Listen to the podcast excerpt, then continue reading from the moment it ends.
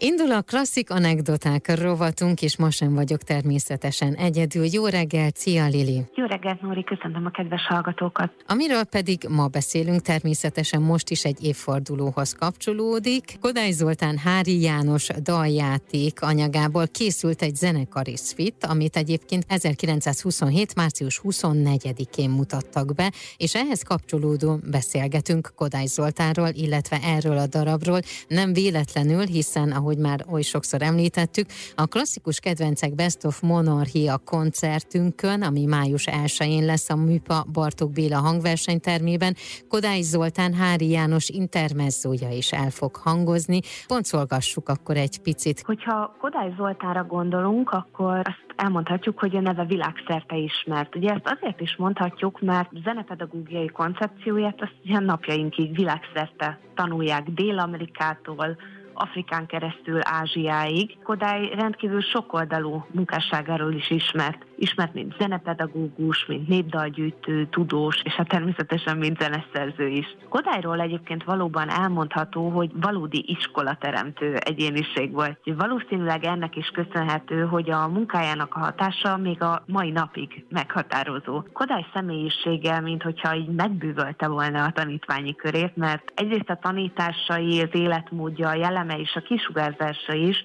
ez abszolút mintakövetésre inspirálta a tanítványait. A nagy közönség leginkább a kórus műveivel, vagy az oratórikus műveivel, például a Számusz hungarikusszal találkozhatott, és hát természetesen a rovat mai témaadójával, a Hári János daljátékkal és hát Svittel. Kodály Zoltán tevékenysége szerteágazó volt, és szerencsésen hosszú életet élt, de az életének a fő pontjain menjünk azért végig. Igen, talán most jelen esetben leginkább a fiatal korára és az ifjúkori zenei élményanyagára koncentrálnék. Ugye 1882. december 16-án született Kodály Zoltán Kecskeméten, és az egy évben volt egyébként Igor Stravinsky orosz zeneszerzővel, aki szintén ugyanebben az évben született. Mivel Kodály édesapja a magyar államvasutaknál, a MÁV-nál dolgozott, ezért hát elég gyakran áthelyezték a családot, uh-huh. úgyhogy a kis Zoltán születése után először Szobra, aztán a Pozsony megyei Galántára költözött a család. Itt kezdte meg az ifjú Zoltán a tanulmányait is, és hát tíz éves volt, amikor ismét költözniük kellett Nagyszombatra, nagyon jó nevű nagyszombati gimnáziumba járt. Itt kezdte meg a zenei tanulmányait is, hát lényegében autodidakta módon, egy apró segítséggel, és hát így már részt tudott venni például az otthoni kamarazenélésekben is, mert nagyon jól zongorázott, hegedült, brácsázott és csellózott is. És ez már nagyon korán nagy hatással volt rá például Bach zenéje, és egyben az iskolai kórus éneklés is, de megismerte Beethoven és Liszt miséit is, ami egyébként a korai kompozícióin is meglátszott. 13-14 éves volt, amikor ezeket az első kompozícióit lejegyezte, és ezek pont ezekben a műfajokban készültek, például zongoradarabok, miserészletek, két Ave Maria szólóénekre. Ekkor volt, ugye 14 évesen, amikor két hetet Budapesten tölthetett, és hát ekkor zajlott a milleniumi kiállítás. Itt találkozott többek között a később rá hatalmas hatást gyakorló népi kultúrával is. Vikár Béla nevével, aki ugye akkor népdalgyűjtő volt, a népi kultúrákkal, népviseletekkel, és ez mind nagyon fontos volt ekkor számára. Nagyon fogékony volt egyébként a kultúrára is minden szempontból, tanulmányokat is és dolgozatokat is írt, például irodalomtudományból.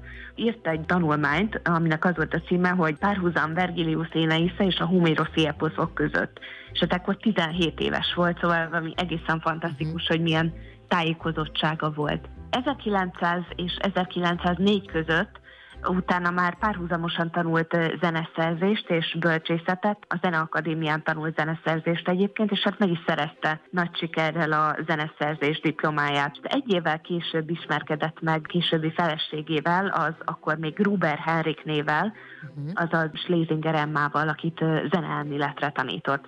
És ez az Emma asszony, ő egy ilyen fantasztikusan művelt figura volt, és hát az ő szalonjában gyűltek össze akkor legjelentősebb magyar értelmiségi figurái, és hát az ifjú Kodály itt találkozott többek között Bartók Bélával, akivel utána később nagyon szoros barátságot alakítottak ki. Ugye ezt követően mentek el egy gyűjtőútra is. Amit fontos kiemelni szerintem, Párizsban és Berlinben is járt ösztöndíjjal, és megismerkedett Claude Debussy zenéjével, Ugye akkor a kortársa volt Debussy, 24 éves volt ekkor Kodály, és 44 éves volt a francia zeneszerző. És hát Debussy zenéje az nagyon nagy hatást gyakorolt Kodályra. 1907-ben meg is írta egy zongora darabját, ami kifejezetten Claude Debussy egy dallamára íródott, úgyhogy ebbe talán érdemes röviden bele is hallgatni, mert Kodálynak egy, egy teljesen más zenei arcát ismerhetjük meg ebből a rövid részletből. Úgyhogy nagyon erősen érződik egyébként ez a Debussy hatás.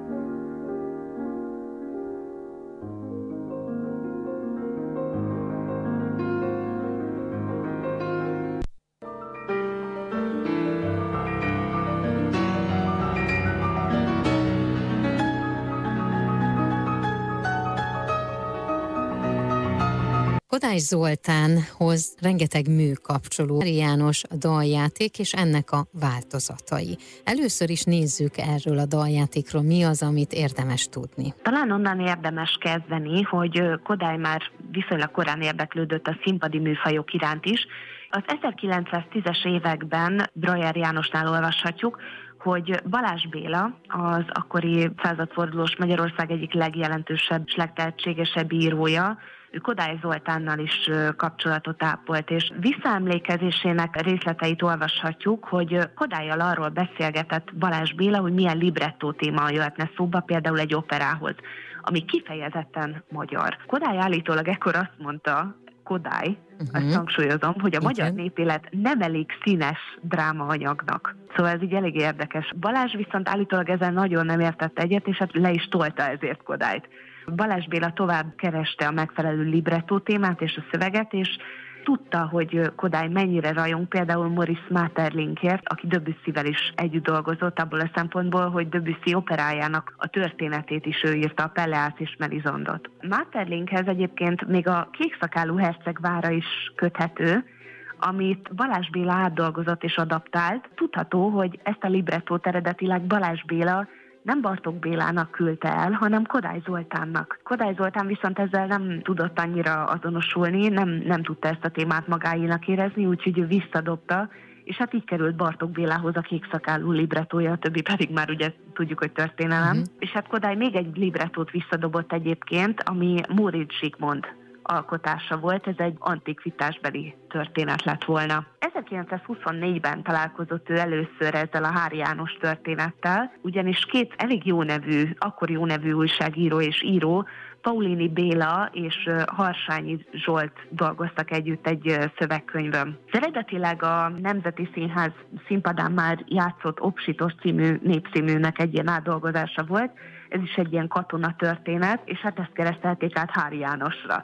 A zenei munka libretto befejezését követően viszont iszonyatosan lassan haladt, úgyhogy uh-huh. ez egy ilyen tudva levő történet, vagy egy tudva levő anekdota, hogy gyakorlatilag majdnem a premier napjáig készült maga a zenei anyag, és a premierre a Magyar Állami Operaházban került sor végül. A daljátéknak a premierére, ezt fontos hangsúlyozni, 1926. október 16-án. Kodály viszont egyáltalán nem tekintette befejezetnek ezt a művet, úgyhogy közölte is Rékai Nándorral, aki, aki vezényelte uh-huh. ezt a művet, hogy hát ez ugye tisztában van vele, hogy ez a mű ez nincs kész.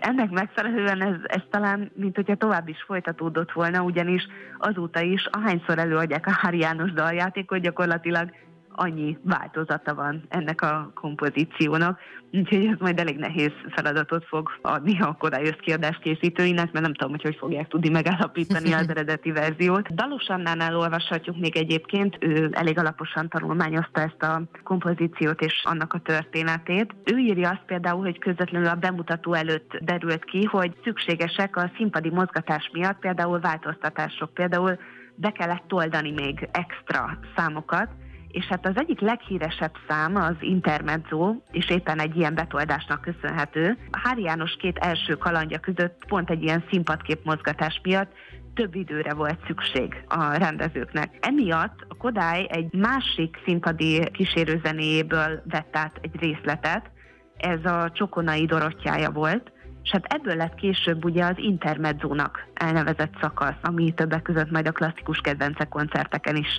hallható lesz. Úgyhogy ebbe egy kicsit hallgassunk bele, hogy felidézzük, hogy miről szól.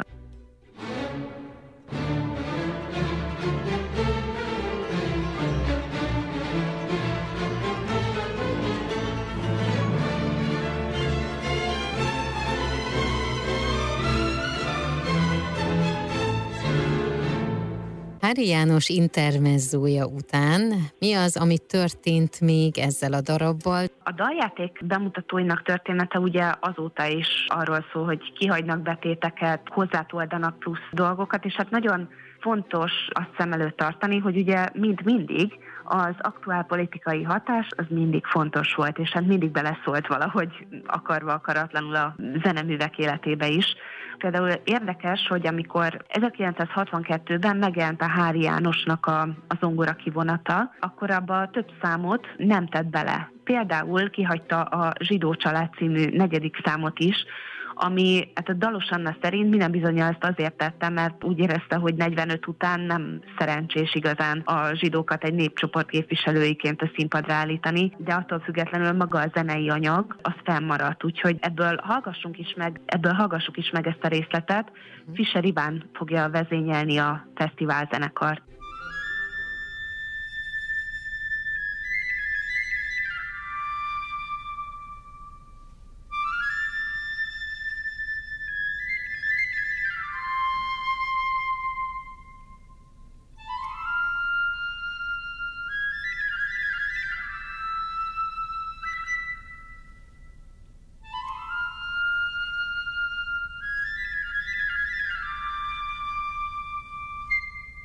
Az elmúlt percekben a fesztivál zenekart hallhattuk Fischer Iván vezényelt, most pedig folytatjuk a Hári János szvittjének a megismerését. Meséld el, kérlek azt, hogy mi is pontosan a szvit, hogy lehet ezt körbeírni, vagy megmagyarázni, mi a definíciója? A, a szvit az egy olyan többtételes zenemű, ez a barokból eredő műfaj, ami leggyakrabban tánctételeket állított párba ilyen lassú, gyors, vagy páros és páratlan táncpárok kerültek be, és hát ez nyilván évszázadról évszázadra változhatott. Úgyhogy maga a Hári János Suite ennek a daljátéknak a zenei anyagából készült, és Kodály ezt azért hozta létre, hogy pont ezektől az aktuál politikai felhangoktól egy kicsit mentesítse ezt a darabot, mert uh-huh. hogy Kodály nagyon óvakodott mindig attól, hogy politikai vélemény nyilvánítson. És ez eléggé meglepő ennek fényében. Ami még talán érdekes, és a suite hozzátartozik, hogy Kodály pont ezek miatt, az aktuál politikai utalások miatt félt attól, hogy külföldön nem fog sikert aratni ez a darab. Ebben mhm. nem volt igaza, és hát meg is lepődött ezen. Fordítások és egyébként eléggé polkorrektek lettek, úgyhogy ezek abszolút tompították a feszültségeket. Érdekes, hogy maga a Street premierje például 1924. március 24-én volt Barcelonában, a Grand Teatro del Liceo-ban, és ezt Fleischer Antal vezényelte. Viszont sokáig nem ezt a bemutatót tartották az ős bemutatónak igazán, hanem Willem Mengelberg vezényelt december 15-én egy koncertet a New Yorki Filharmonikusok érén. Vélhetően Kodály kiadója nem gondolta úgy, hogy a barcelonai premier nagyon jól hangzik, hogy egészen 1972-ig az élt a köztudatban, hogy ez a december 15-i koncert volt az ős bemutató. Ki volt Hári János? Szerintem így adja magát most már ez a kérdés. Ő egy élő ember volt, vagy kitalált? Ő egy mitikus figura, talán mondhatjuk így. Egy egyszerű ember valójában Hári János, egy kiszolgált katona, ahogyan Kodály mondja, aki hát ott ül a kocsmában, és egyre csak mesél. Ezekben a mesékben azért keveredik ez a groteszkség, a fantázia, a realitás és a naivitás is, de Igazából ez talán mindegy abból a szempontból, Kovács János úgy fogalmazza meg, hogy Hári nem egy ilyen Münchhausen báró, aki csak ilyen nagyokat mond, ilyen kitalált történeteket és, és direkt hazugságokat, hanem egy abszolút szerethető figura, maga a mese a lényeg, amit mond az álomvilág. Úgyhogy igazából Hári Jánosnak a figuráját leginkább, mint egy ilyen nagyszájú mesélő fogalmazhatnánk meg. Szedjük szét egy picit, vizsgáljuk meg részletesen Hári János szvittjét, a tételeket, illetve ugye konkrétan majd az intermezzót is. Hogyha arról beszélünk, hogy miért ezt a hat tételt választotta ki Kodály a daljátékból a szvittjéhez, akkor azt kell mondanunk, hogy ez a humor és a patetikusság, ami kettősségében megjelenik, és maga a zene is igazi mesélőtársa a, a szövegnek, egy valódi illusztráció igazából a történethez. Például az első tételnél, aminek az a címe, hogy kezdődik a mese. Tényleg a falubeli kocsmában játszódik, és hát ugye halljuk, ahogy Hári János meséli a kalandjait, és körbeülik a kocsmában lévők Hári Jánost, és hát nyilván látszik, hogy nagyokat mond, és van, aki például issza a szavait, de, de van, aki abszolút kételkedik abban, hogy ez igaz lehet, és hát rá is tüsszent, ami magában a zenében is megjelenik, és hát ez a furcsa komikus jelenet az, ami, ami elindítja ezt a darabot, úgyhogy ebbe is hallgassunk bele. Fischer Iván vezényli a fesztivál zenekart. Így van, Kodály Zoltán prelűdjét fogjuk meghallgatni a Budapesti Fesztivál zenekar előadásában Fischer Iván karmester vezényletével.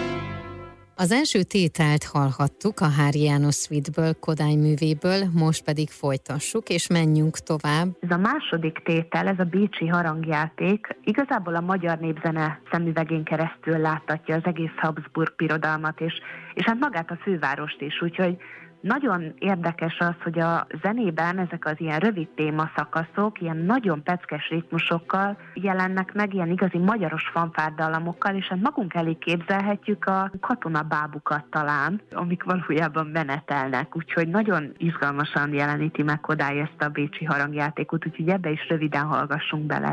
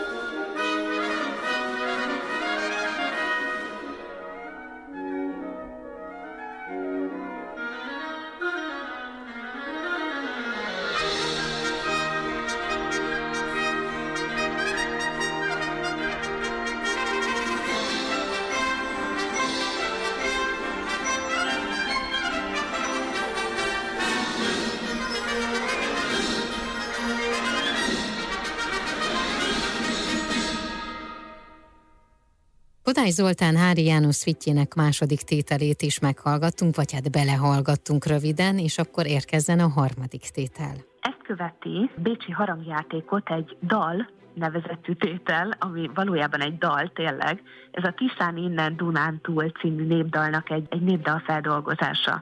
És hát ez egy egészen egzotikus jelleget kölcsönzött a Sweetnek, ez az egyetlen népdalfeldolgozás egyébként, ami bekerült a zenekari szvétbe ebből a daljátékból. Ezt az exotikusságot, ezt az exotikus hangvételt erősíti fel a cimbalom hangszer, amit tipikusan magyar hangszerként tartanak számon. Ez azonban nyilván, amikor külföldön előadták ezt a művet, akkor a hangszernek a beszerzés az eléggé nehézkes volt, mert hát nem tudták beszerezni. Úgyhogy Kodály azt az engedményt tette, hogy vagy csemballót használjanak, viszont azért a legtöbb zenekarnál csemballó sem volt, úgyhogy legtöbb esetben külföldi előadások során zongorát használtak a cimbalom helyett. Amit itt még fontos megjegyezni, hogy a nemzetiségek dallamai és a háriban felhasznált népdalok vagy dallamok a daljátékban mind a galíciai régióból származtak, tehát ugye abból a régióból, ahol Hári elméletben szolgált. Tehát, hogy ez a történelmi hűségét például a zenei anyagnak ez, ez abszolút megerősíti, és hát ettől válik igazából nagyon autentikussá maga a Hári János. De egy kicsit ebbe a Tiszán innen Dunátúlba is hallgassunk bele, mert ezt szerintem mindenki ismeri, aki a Hári Jánost hallotta.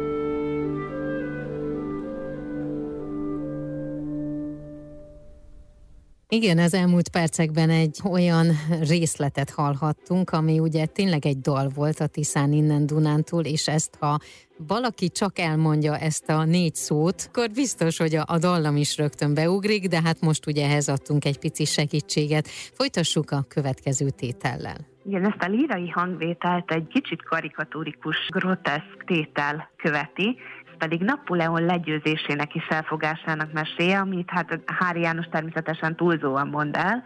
Hári története szerint nyilván természetesen az ő egyetlen karcsapásába került, hogy az egész napoleoni sereg legyőzessen, és hát ezt Kodály egy eléggé groteszk és túlzó zenével jeleníti meg. És ezt követi az egyik leghíresebb tétel, ez az intermezzo, ami szintén egy, egyfajta magyaros zene, ez egy palotás zene.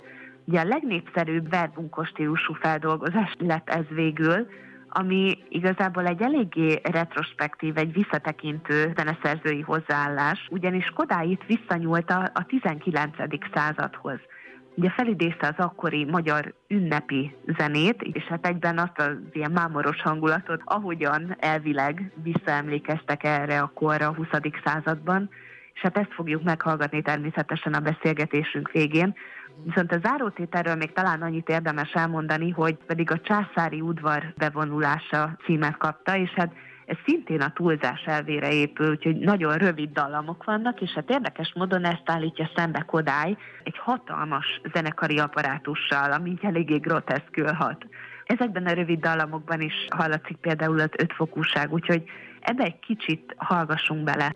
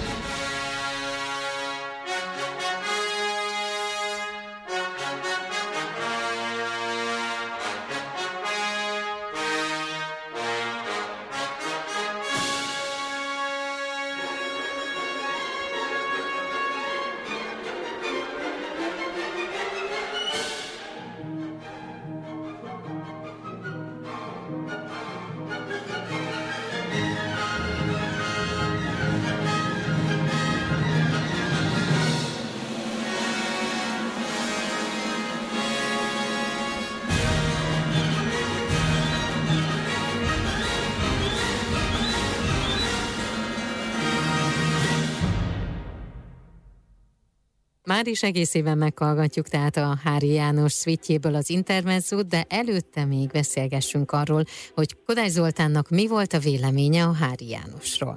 Ugye tudni érdemes, hogy Kodály Zoltán hihetetlenül grafomán volt, úgyhogy rengeteg szöveget írt, rengeteg feljegyzést írt. És hát ennek a kutatása egyébként még a, mind a mai napig tart, és hát rengeteg minden feltáratlan még.